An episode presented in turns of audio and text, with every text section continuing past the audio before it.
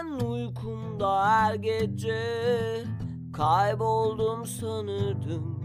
Meslekler ve eşgaller Sıkıldım sanırım. Leyla'yla tespitler Havada uçuşur. Bu podcast'le bu gece Noktayı koyacağım. Ölü yatırım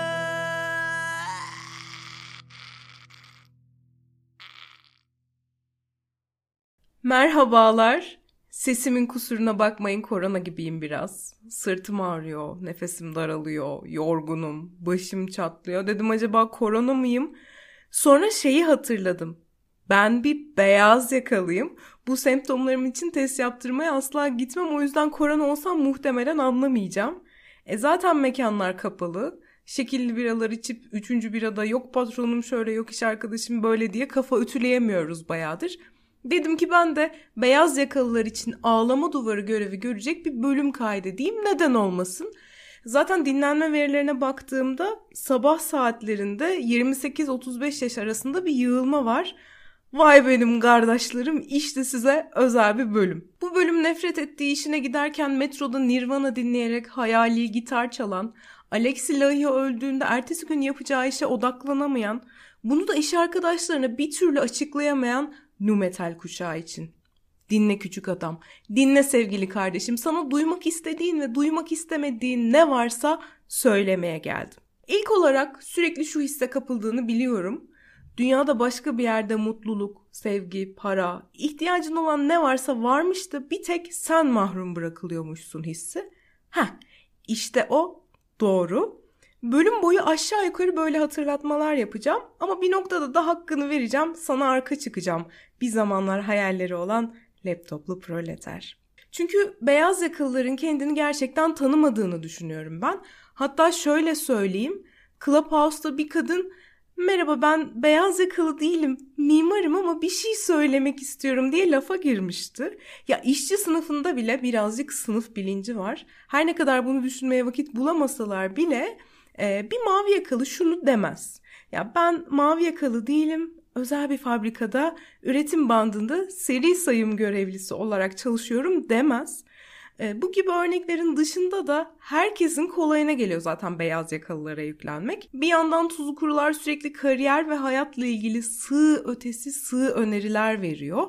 Sanatçı ıı, sanatçı tayfa zaten bir ayrı. İşte köleliği seçmişsiniz bir de ağlıyorsunuz. Gerçekten sanatçı olsaydınız Kadıköy'de bir kafede garsonluk yaparak çürümeyi göze alırdınız filan diyor. Özür dilerim bu riski alamayacak kadar KYK borcum olduğu için. Genel olarak beyaz yakalılık konusunda bir kavram yanılgısı var yani ortada. Hazırsanız başlayalım. Beyaz yakalının hayatının bluza dönüştüğü o ilk ana mezuniyet sonrası afallamasına gidelim. Ben mezuniyete sunumsuz yakalananlardanım. Öncelikle onu söyleyeyim. Boş zamanlarımda işe yarar bir şey yapmadım. Şiir okudum, şarkı filan dinledim öğrenciliğim boyunca. Bu şarkılardan biri grup yorumun bir şarkısı ve sürekli yakındır yakındır diyor grup yorum tırnak içinde o gün için. Ha, iyi tamam yakınsa süper diyorsun sen de. Tam sözleri de şöyle şarkının. Belli ki yakındır doğayı ve hayatı sarsacak saat. Keza arkadaş Zekai Özger de bir şeye inandırıyor sizi. Bir şiirinde siz inanmayın bir gün değişir elbet güneşe ve penise tapan rüzgarın yönü diyor. E bir yandan da hadi arkadaşlar 48 saat direnirsek hükümet düşüyormuş bilgisi dolanıyordu etrafta. Yani ben mezun olana kadar kapitalizmde, patriarkada, siyasal İslam'da çoktan orta, ortadan kalkar sanmıştım. Grup yorum yakındır yakındır deyince ben de cidden yakındır sandım yani.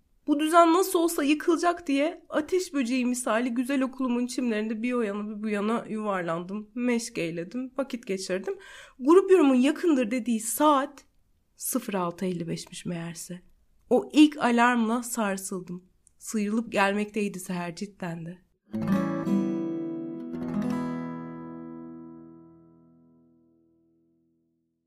İşte ben bu kariyer yarışına hiç ama hiç hazırlanmadığım için kariyer fuarlarında fıt fıt fıt fıt, fıt gezinen o götsüz mühendislere kıçımla gülüyordum. Ama sonra bir an geliyor. Hayatın Facebook'tan ekli olduğun arkadaşlarınla LinkedIn'den ekleştiğin evresi.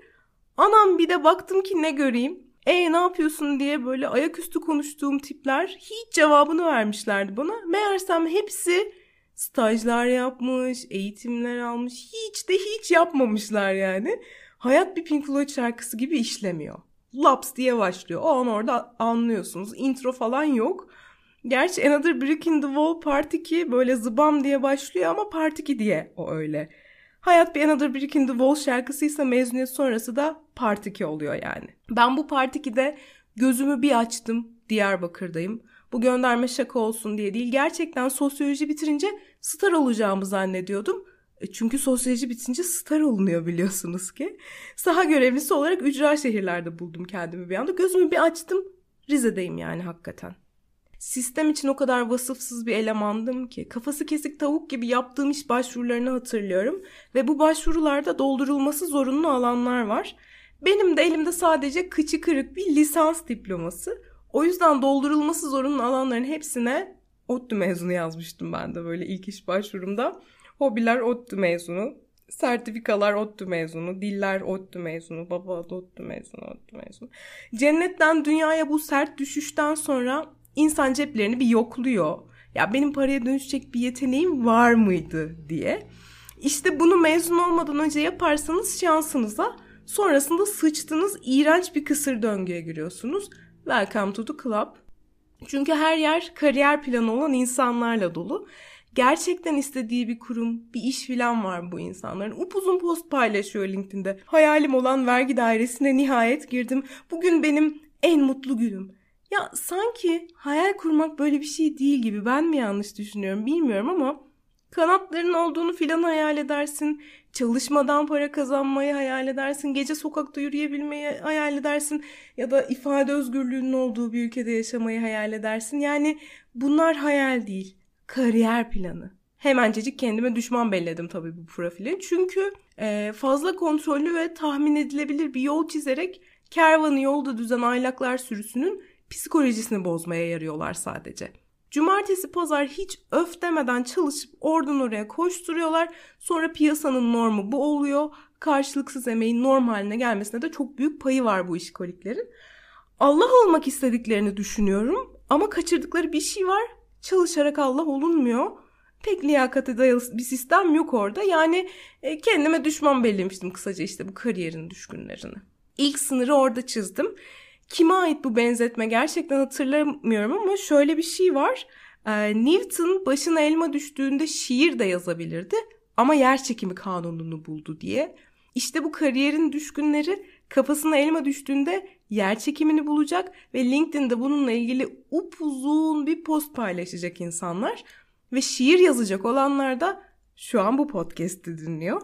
Diğerleri girişimcilik podcastlerindeler. Şu an işte Bitcoin, Mars böyle sıkıcı şeyleri dinliyorlar. E, girişimcilik cehennemi var bir de hazır lafı açılmışken. Herkesin startup'ının olduğu bir dönemde yaşıyoruz. Canına yandığımın dünyasında herkes co-founder. Hazırlıkta aynı sınıfa düştüğüm o asosyal mühendislere bir hal gelmiş. Hepsinin startup'ı var. Orada burada konuşmalar yapıyorlar. Bilir kişi olmuşlar. Özgüvenler yerine gelmiş falan. Ya benimle kahve içebilmek için çok uzun ödevimi yapmıştın sen ya. Biz rolleri ne ara değiştik? Ve daha da kötüsü sırf sisteme entegre bir başarı yakaladığı için sana başarı konusunda akıl vermeye de e, pek meraklı oluyor gen- genelde bu kişiler. Onun başarı dediği şeyle benim başarı dediğim şey çok farklı ama. Önce orada bir anlaşalım. Bir kariyer planım olsa ben durarak para kazanmayı dilerdim. Tıpkı Vahe Kılıç Aslan gibi. Bir de otosansür. Gerçekten İran sineması gibi bir podcast bölümü oluyor. Neyse otosansür de artık öyle bir hal aldı ki yapmasan daha az tehlikedesin. Yani baya bariz referans noktaları var artık. O yüzden güzel bir stil katıyor. Bu kadar sansürün, otosansürün olduğu bir ülkede tabii ki de her yeni uygulama devrim buradan mı çıkacak? Clubhouse ve Arap Baharı filan gibi düşündürüyor insanları. İlk zamanları e, Clubhouse'un gerçekten bir akıl tutulmasıydı. Ben de bol bol beyaz yakalı odalarda gezindim. E, bu akıl verenler orada da var. Kadının teki mesela hayallerini gerçekleştirmiş. İşte yurt dışına yerleşip kurumsal işini bırakıp ressam olmuş. Konuştu, konuştu, konuştu, konuştu. Sonra şey deyip çıktı odadan. Üç kural, hayal et, planla ve gerçekleştir. Really? Bunu o kadar ciddi söyledi ki bu arada. Sonra dedim e, kadının profiline bir girip bakayım. tahmin ettiğim gibi işte kolejler, özel okullar yine durduk yere sınıf öfkem kabardı yattığım yerden. Hayal etmek tamam. Tamam da planlama ve gerçekleştirme aşamasında biraz para gerekiyor. Cebi biraz para gören de başlıyor böyle bır bır bır bır hayal et, planla ve gerçekleştir. Sevdiğin işi yap ve ömrün boyunca çalışma diye size zehirli iyiliklerini akıtıyorlar. Hayal aşamasında da anlaşamıyoruz aslında. Bir hayal kurma hakkın var ve girişimci olmayı hayal ediyorsun sen. Anlaşamadığımız yer tam olarak burası. Hayal böyle bir şey değil. Tekrarlamak istiyorum. Bunlar kariyer planı. Sözüne kulak asılmayacak kadar sıkıcı insanlarsınız ayrıca. Umarım hepiniz o bitcoinlerle Mars'a gidersiniz. Allah'la tanışırsınız. Bilmiyorum network network'tür neticede. Mars dünyadan daha yakın oluyor bir de galiba Allah'a. Bir de bu aynı kadın bir tane TED konuşması önerdi. Ki çok kötüyüm TED konuşmalarında hiç bilmiyorum mutlaka izleyin diye övdü övdü. Dedim bir bakayım neymiş bu. What Makes a Good Life diye bir konuşma tırt ötesi tırt bir TED konuşması. Bir milyon like'ı var ama. Adam sadece şey diyor. Hayatta önemli olan para değil sevgidir. En son ne zaman sevdiğiniz biriyle vakit geçirdiniz ha falan diye alkışlar, kıyametler falan kopuyor konuşmada. Ya seni ikna edecek şey buysa, argüman buysa zaten mutsuz değilsin demek ki. Elbette ki sevgi birçok şeyin ilacı ama her şeyin değil. Sana Robert Koleji'nde bunu öğretmemiş olabilirler ama sevgi doğal gaz faturasını ödemiyor. O yüzden biz de dirsek çürütüyoruz hayallerimizi planlamak ve gerçekleştirmek yerine. O açıdan girişimcilik konusunda da sınıfta kalıyoruz. Ee, sınıfta kalmak derken bas bayağı işçi sınıfından bahsediyorum. Tam olarak o sınıfta mahkum kalıyoruz yani. Orta sınıflığa bile atlayamıyoruz.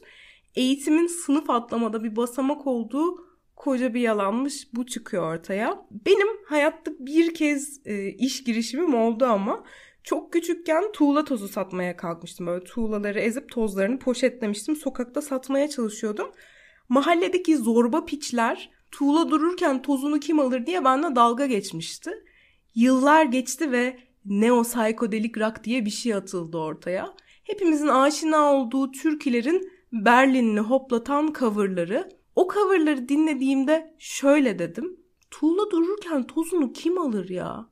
Vaktinde önüme set çeken mahalle zorbaları bir kere Altın Gün'ün konser videolarını izlesinler bakalım. Tuğla dururken tozunu kimler alıyormuş? Tabii ki de beyaz Avrupalılar. Acık sanat meselesine girer gibi olduk. Sanatçı beyaz yakalının ağıdına birazdan geleceğiz.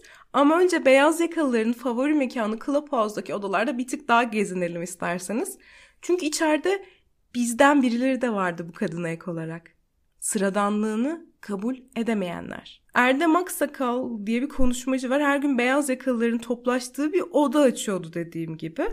Ee, işte o oda beyaz yakalıların ağlaştığı ve sürekli şikayet ettiği ama umutlu bir şekilde şikayet ettiği bir platforma dönüştü.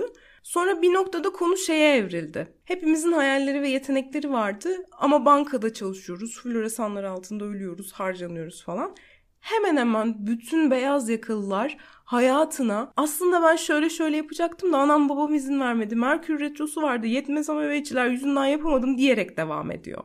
İnsanın yetenekli olduğuna inanması çok kolay bir şey arkadaşlar. Yani vaktinde popstar'a çıkan herkes yetenekli olduğundan emindi. Buradan kurabilirsiniz benzerliği. Sadece Clubhouse'da da değil bu arada. Gerçek hayatta da çok fazla karşılaştım ben bu insan profiliyle.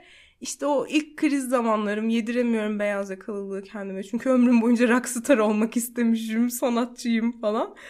Ee, o zamanlarda beni teselli eden birçok insan oldu. Ve bazılarının yaklaşımı şöyleydi. Ya üzülme ben de aslında şöyle şöyle yeteneklere sahibim e, ve biliyorum. O insan o yeteneklere sahip değil. Clubhouse'da bu sayının sandığından da fazla olduğunu gösterdi bana. Bir yandan bu kadar ortak bir hikayeyi paylaşmak bana sıradanlığımı hatırlatıyordu. O açıdan öğretici ve seviyorum. Ama bir yandan da rahatsız eden bir tarafı var bunun. Ben de mi uzaktan kendini bilmez görünüyorum böyle diye. Kendi algım üzerinde çok kötü bir etkisi olmuştu.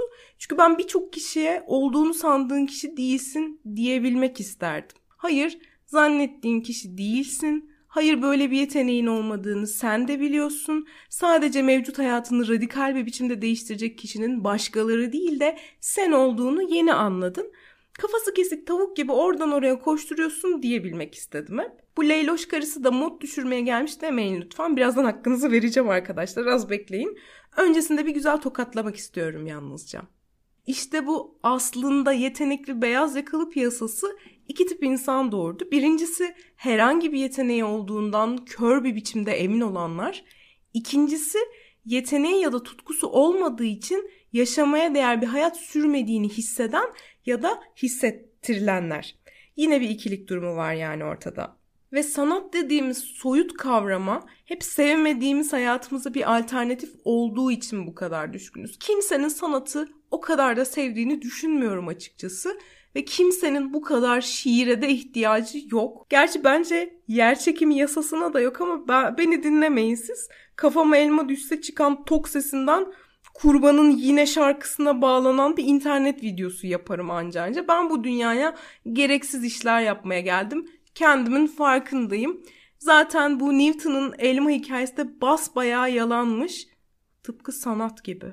Bu sanatla ilgili akıl karışıklığının sebebi sanatçılığın bir his olması. Evet his, basbayağı his. Sırf hasbel kader o işin okulunu okuduğu için bir arkadaşım bana ben sanatçıyım sen değilsin imasında bulunmuştu.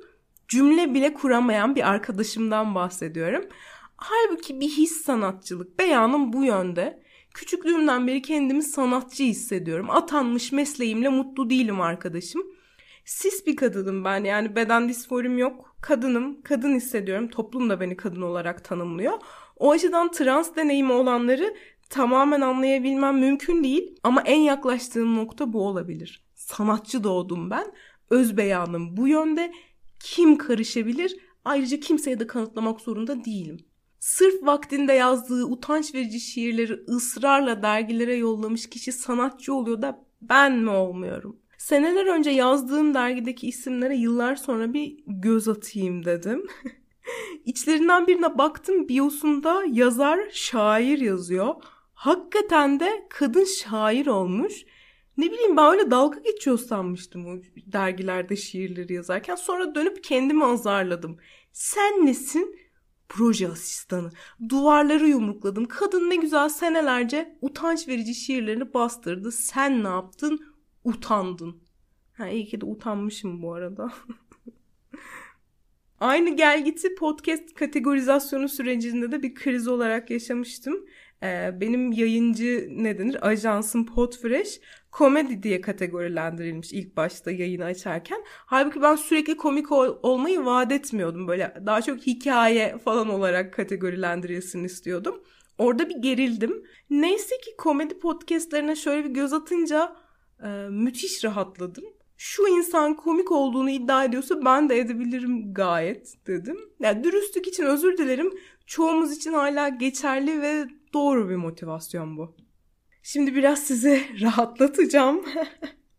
Oku gerdim gerdim şimdi rahatlayacağız beraber. Evet yani o kadar da sanatçı olmadığını kabullenmek lazım.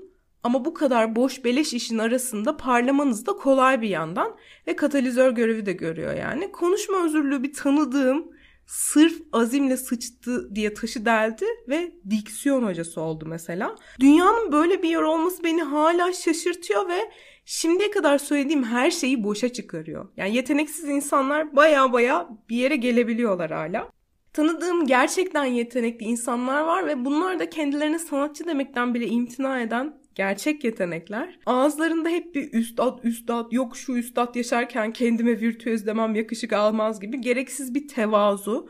Acık da onları tokatlamak istiyorum. Ya bu kadar kendini bilmezin arasında senin de tevazunun hiçbir işlevi yok. 2021 senesindeyiz. Sanatçılık bir kere artık dilde varlığa geliyor. Yani Körfez Savaşı gibi düşünebiliriz. Ya da Gökhan Özen'in jet ski ile kaybolması gibi.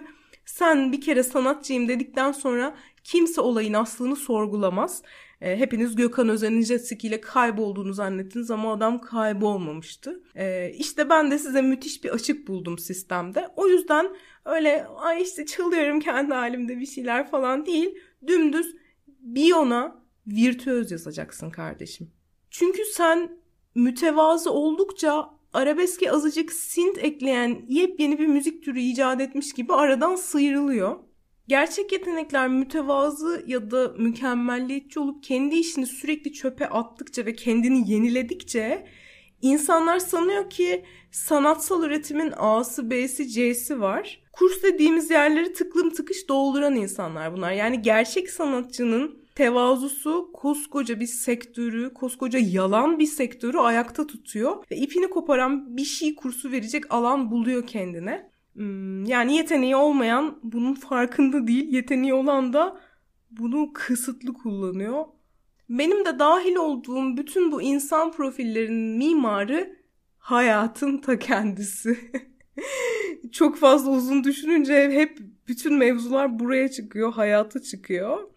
E, hayat dediğin basitçe amaç aramak üzerine falan kurulu ya zaten. Bu amaç bir noktada da sanata do- dokunuyor. Bir, bazen de spora. Çünkü geri kalan her şey bayağı sıkıcı yani. Çocuklar boşuna küçükken futbolcu ya da şarkıcı olmak istemiyorlar. Ee, yalnızca amaç arayışı değil, kendini gerçekleştirme de diyebiliriz bunu. Karantina kendini gerçekleştirmek için e, son fırsattı birçok insan için.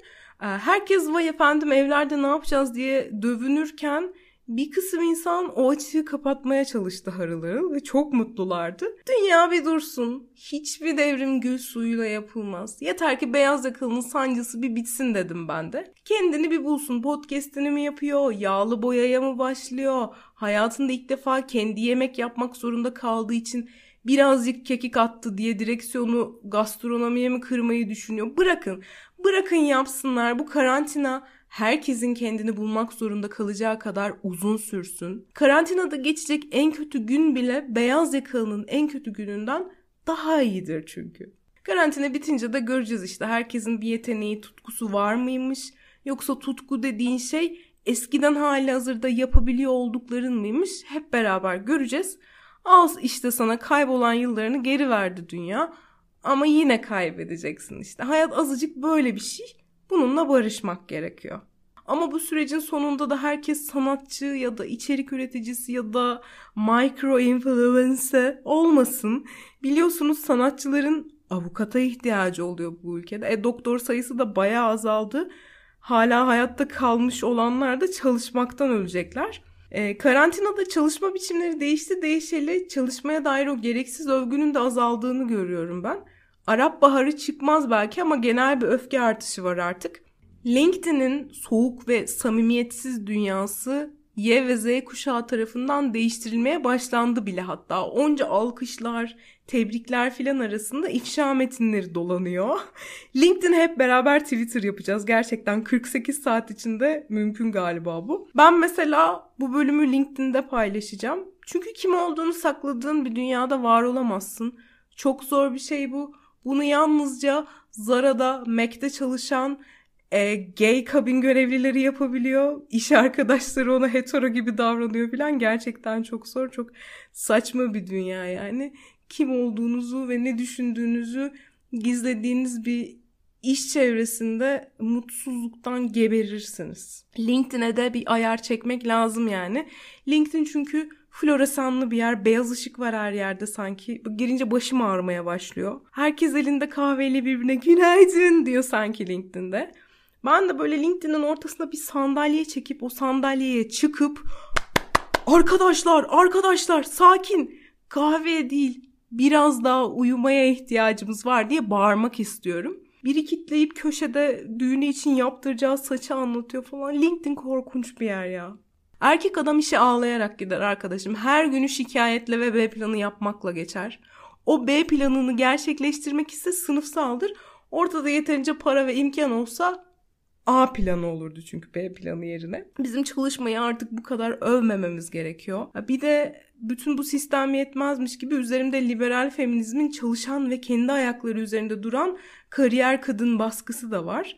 Ya yakamadığınız cadıların çocuk yapmama gerekçesi olarak kariyer planlarını bahane eden torunu olmak istemiyorum ben. Üzerimdeki bu baskı beni nelerden nelerden alıkoydu tahmin bile edemezsiniz. Bir keresinde Twitter'da bir sürü istifa tweet'i atmıştım. Bir tane Sugar dedi. Bu tweetlerin hepsini beğenmiş. Bir de gitmiş üzerine dekolteli bir fotoğrafımı beğenmiş. E, Sugar dedi diyorum ama bu yakıştırmayı ben yapmadım. Adamın biosunda zaten profilinde kocaman yazıyordu böyle Sugar dedi olduğu şey gibi bir açıklaması vardı. Sugar dedi et kendi işim ya da işte Sugar dedi et hayat gibi bir şeyi vardı açıklaması açıklaması vardı. Sırtlana bakar mısınız ya Twitter'a istifa yazıp aratmış adam hani olur da istifa etmeyi düşünen taze beyaz yakalı bir hanım varsa belki bir şeyler yaşarız diye düşünmüş internetin en büyük sırtlanın ödülünü kendisine takdim ediyorum huzurlarınızda. Yaşayan çınar yani. Aslında e, yeterince çaresiz olsam ciddi düşünebilirdim kendisiyle. Ama Bülent ile benziyordu. Hakikaten sugar'dı ve dediydi yani. Ama böyle North Face'leri çekmiş bir Bülent Ortaçgil düşünün. Sugar dedilerin resmi sponsoru North Face var ya giyim markası. Ya da şöyle anlatayım. Bu adam benim babam sekiz köşe kasketiyle North Face kocuyla hey hey hey hey. Dedim ki çalışmamanın alternatifi buysa yol yok çekeceksin Leyloş.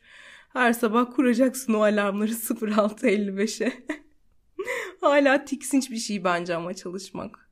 Yine de bana çok şey öğretti. Empati yeteneği kazandım bir kere. Birincisi bütün bu devlet daireleri, bütün bu güzel binalar bir gün mutlaka bir şey olacağına inanan insanlarla dolu. İkincisi kasiyer günaydın dediğimde neden cevap vermiyor anlayabiliyorum mesela. Otobüsteki kadın neden bir şikayetini dile getirmek için yüksek sesle ofluyor anlayabiliyorum. Bütün bu insanlar neden o sık suratla yürüyorlar yolda anlayabiliyorum. Teşekkür ederim çalışma hayatına bana empati yeteneğini kazandırdığı için. Onun dışında hiçbir şey için teşekkür edemem. Tek yol devrim. Geldik sona. Ara ara gıcık etmiş olabilirim sizi. Ama bu bölüm e, aslında biraz da kendimi de dahil ederek tasarladığım bir bölümdü. E, ben sizin iç dünyanızla aslında kim olduğunuzla potansiyelinizle ilgileniyorum. O yüzden bu kadar dil döktüm. Ee, bilmiyorum gereksiz mütevazılık mı ediyorum ama öyle. Son olarak elinizde bir şey varsa e, salın internet alemine gitsin ya. Hadi beni geçin. En azından Gülşen'e kulak verin ve motivasyonunuz şu olsun. Ya tutarsa, ya tutarsa, ya tutar da biri denk gelirse. Bakın mesela ben bu sesimle popstar'a çıkmıyorum. Ee, bu konuda umarım anlaşmışızdır. Ama kaçışı yok. Size bir şiir okuyarak veda edeceğim. Bir beyaz yakalı şiiri Eylül 2019'da yazmıştım. ben de isterdim elbet. Maaşı senle ezelim. İçim yanar arayıp desen gel lan gezelim.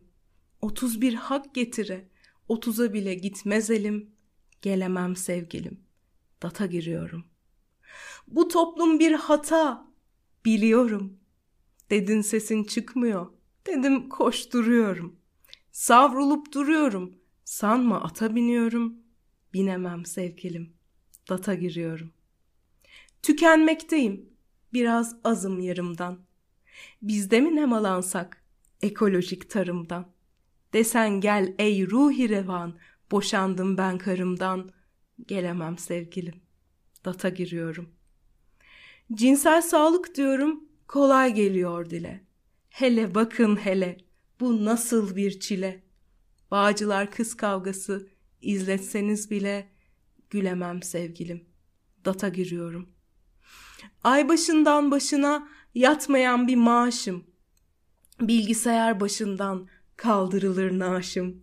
Günün diğer yarısı akar durur gözyaşım, silemem sevgilim. Data giriyorum. Hiç farkı yok bizleri kamplarda toplasalar. Gururumu çiğneyip üstünde hoplasalar. Çelikten bir hançeri göğsüme saplasalar. Ölemem sevgilim. Data giriyorum.''